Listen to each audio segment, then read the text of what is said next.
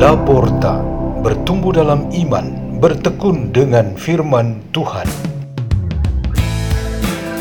Radio Laporta, pintu terbuka bagimu untuk pertumbuhan pengetahuan dan kebijaksanaan tentang Allah.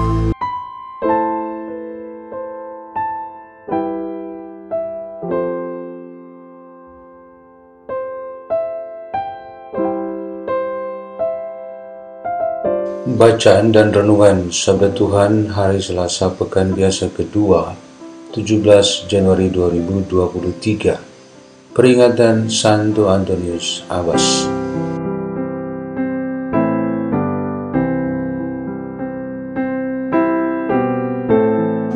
Dibawakan oleh Pastor Peter Tukan SDB dari Komunitas Salesian Don Bosco Gerak di Labuan Bajo, Keuskupan Ruteng, Indonesia.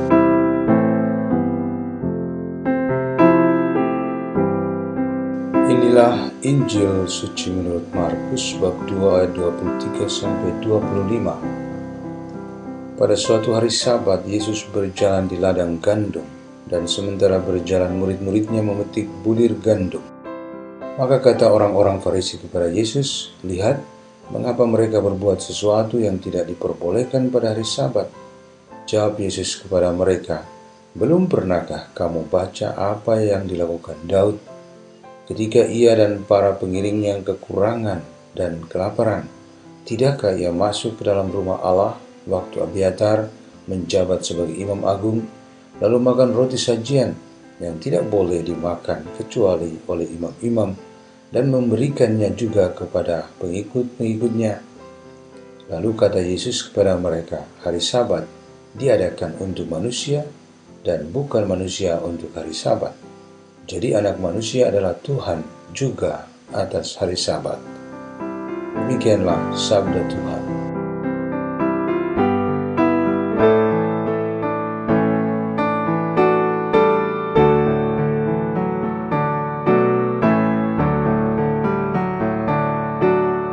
Tema renungan kita pada hari ini ialah kereta dusta. Seorang anak kecil usia 4 tahun sedang asyik dengan mainannya ia menjalankan kereta api panjang yang menyusui jalan panjang berliku di atas matras yang dibentangkan di lantai. Lalu ia berteriak kepada semua anggota keluarga dan tamu yang hadir supaya bersiap masuk ke dalam kereta. Setiap orang dibuat seolah-olah sedang bersiap-siap supaya begitu kereta berhenti, mereka segera masuk. Tidak boleh ada yang terlambat. Kalau ketinggalan kereta, risiko tanggung sendiri kata anak itu. Bagi orang dewasa yang dilakukan anak itu hanyalah khayalan. Berhayal bersama mirip dengan berbagi dusta. Tetapi anak itu ingin supaya permainannya diterima sebagai kebenaran. Faktanya itu memang sebuah hayalan atau dusta.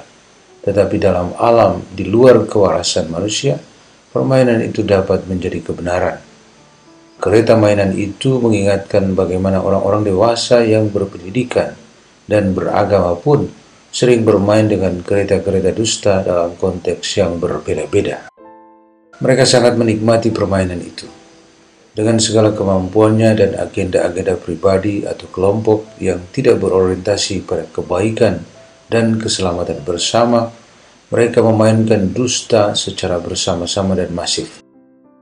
Kalau kereta api yang bermuatan sekitar 500 sampai 1000 orang sekali penuh, kereta dusta yang dimainkan dalam tingkat pengajaran, pendidikan, dan komunikasi pasti lebih banyak lagi orang-orang yang terlibat. Semakin banyak orang yang masuk dalam perangkap kereta dusta, semakin memprihatinkan dunia dan kemanusiaan, karena bencana kehancuran moral dan spiritual justru sedang menghancurkan kehidupan.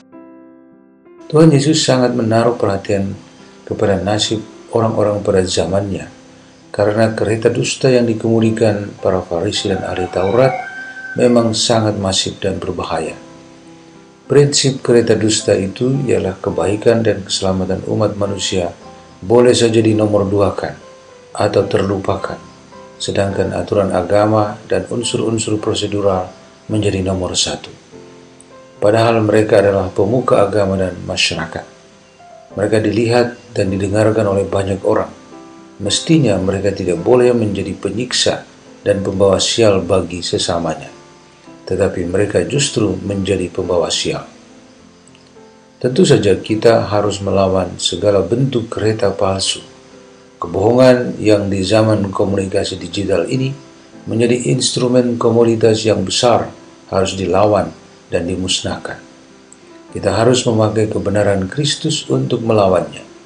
Menurut surat kepada orang Ibrani, Allah tidak mungkin berdusta maka kekuatan darinya sangat dahsyat sebagai senjata pemusnah kereta dusta. Marilah kita berdoa dalam nama Bapa dan Putra dan Roh Kudus. Amin.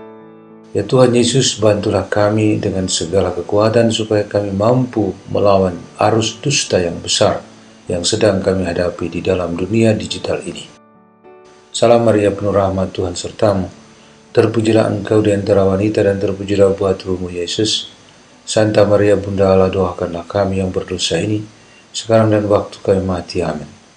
Dalam nama Bapa dan Putra dan Roh. Radio Laporta, pintu terbuka bagi